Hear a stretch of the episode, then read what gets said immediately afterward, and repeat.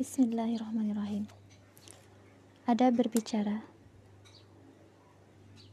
Keterangan adalah salah satu nikmat Allah yang maha besar yang diberikan kepada manusia yang dengan itulah Allah mengangkat derajat manusia di atas seluruh makhluknya sebagaimana firman Allah yang artinya Allah yang maha rahman yang telah mengajarkan Al-Quran yang telah menjadikan manusia yang telah mengajarkan keterangan kepada manusia. Surat Ar-Rahman ayat 1 sampai 4. Sesuai besarnya nikmat itulah, maka yang berhak atas nikmat itu harus pula diagungkan.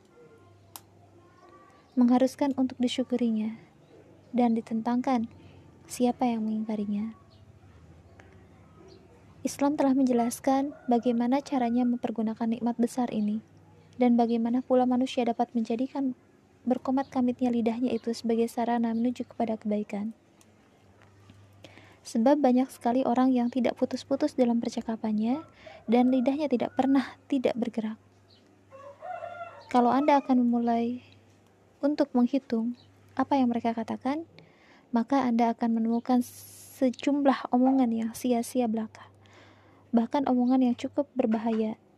Dan bukan untuk itulah Allah melengkapi mulut manusia dengan lidah dan bukan dengan cara yang begini. Ini pemberian yang besar itu dihargainya.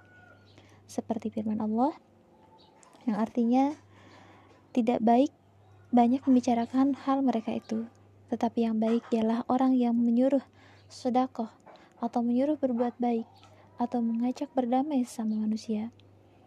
Dan barang siapa mengerjakan yang demikian itu dengan niat semata-mata karena mencari ridha Allah maka kelak dia akan kami beri pahala yang besar.